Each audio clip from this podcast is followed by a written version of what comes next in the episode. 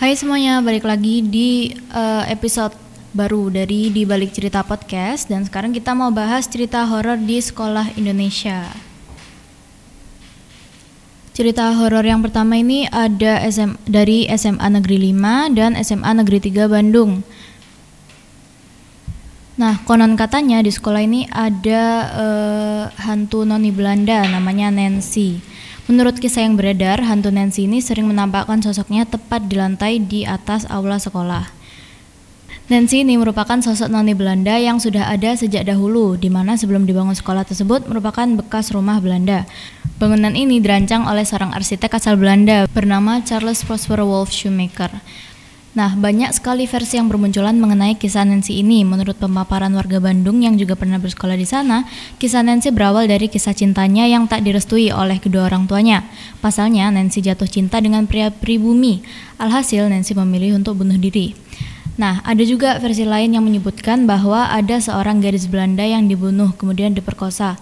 Namun menurut versi lainnya, hantu Nancy meninggal karena pembantaian besar-besaran pada masa kolonial Belanda sehingga arwahnya gentayangan menghantui sebuah bangunan yang kini menjadi SMA Negeri 5 dan SMA Negeri 3 Bandung.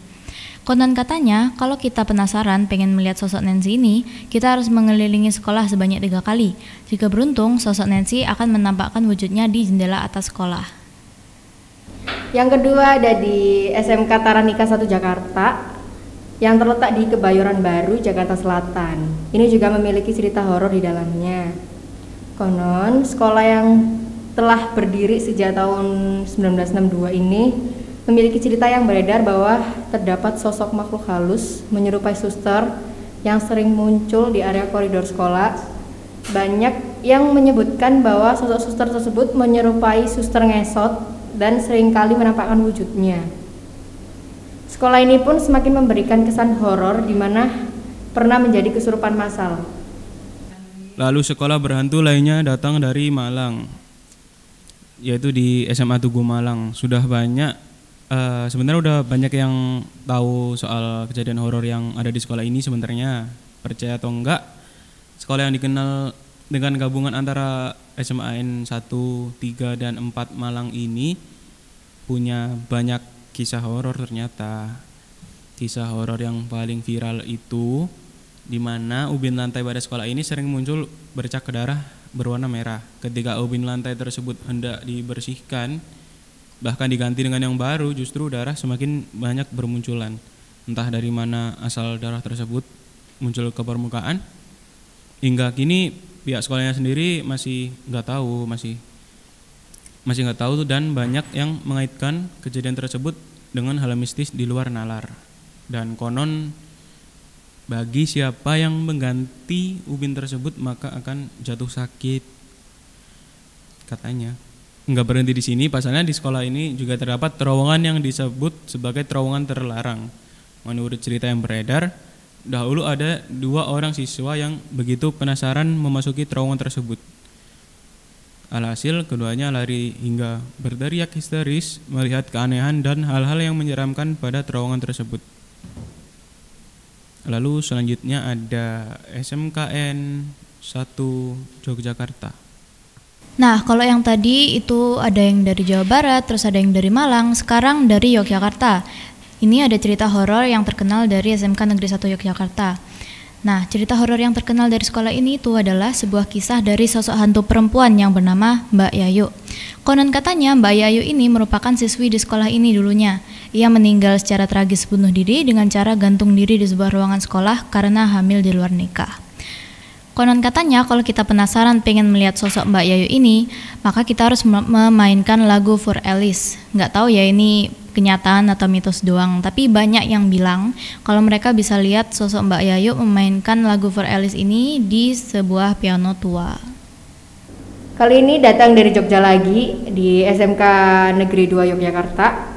Salah satu sekolah tertua yang ada di Indonesia adalah SMK Negeri 2 Yogyakarta.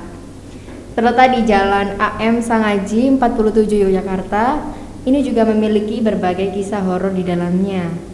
Sekolah yang dulunya merupakan bekas peninggalan zaman kolonial ini bernama Princess Juliana School atau PGS. Dan konon kabarnya pernah dijadikan sebagai penjara bagi tahanan pada masa penjajahan Jepang. Menurut cerita yang beredar, sekolah ini um, dulunya adalah tempat pengoperasian rumah sakit pada masa penjajahan. Pada bangunan sekolah terdapat sebuah lorong yang merupakan tempat menuju bengkel otomotif. Dulunya merupakan ruang kamar mayat. Tidak hanya di situ, di SMK Negeri Yogyakarta juga terdapat spot-spot angker yang dijamin membuat kalian merinding. Beberapa orang menceritakan bahwa terdapat sebuah tangga koridor yang diketahui sebagai perbatasan antara SMK Negeri 2 Yogyakarta dan SMK 3 Yogyakarta. Tangga koridor tersebut dinamakan Kulon Deso yang diyakini sebagai tempat pembantaian dan pembuangan korban masa kolonial. Selain itu, terdapat ruang teori matematika yang dipercaya sebagai pintu utama menuju ruang bawah tanah, di mana ruangan ini merupakan tempat paling angker di sekolah dan sering muncul berbagai sosok makhluk halus yang sering menampakkan dirinya. Lalu yang terakhir ada SMA Aloysius Bandung kisah zaman penjajahan Belanda yang dulu kerap sering mengiringi kisah mistis di SMA Aloysius Bandung ini yang berdirinya tuh udah sejak tahun 1930. Konon menurut cerita yang beredar di bangunan sekolah ini merupakan bekas peninggalan Belanda.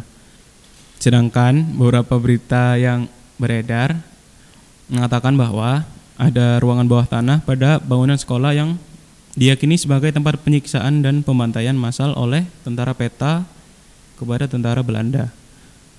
Alhasil, banyak cerita horor yang beredar di sekolah ini. Menurut pemaparan siswa-siswi menyebutkan bahwa sering terdengar langkah kaki baris berbaris serta rintihan orang meminta tolong di koridor sekolah. Tak jarang, sering pula muncul sosok penampakan tentara dan noni Belanda di koridor sekolah.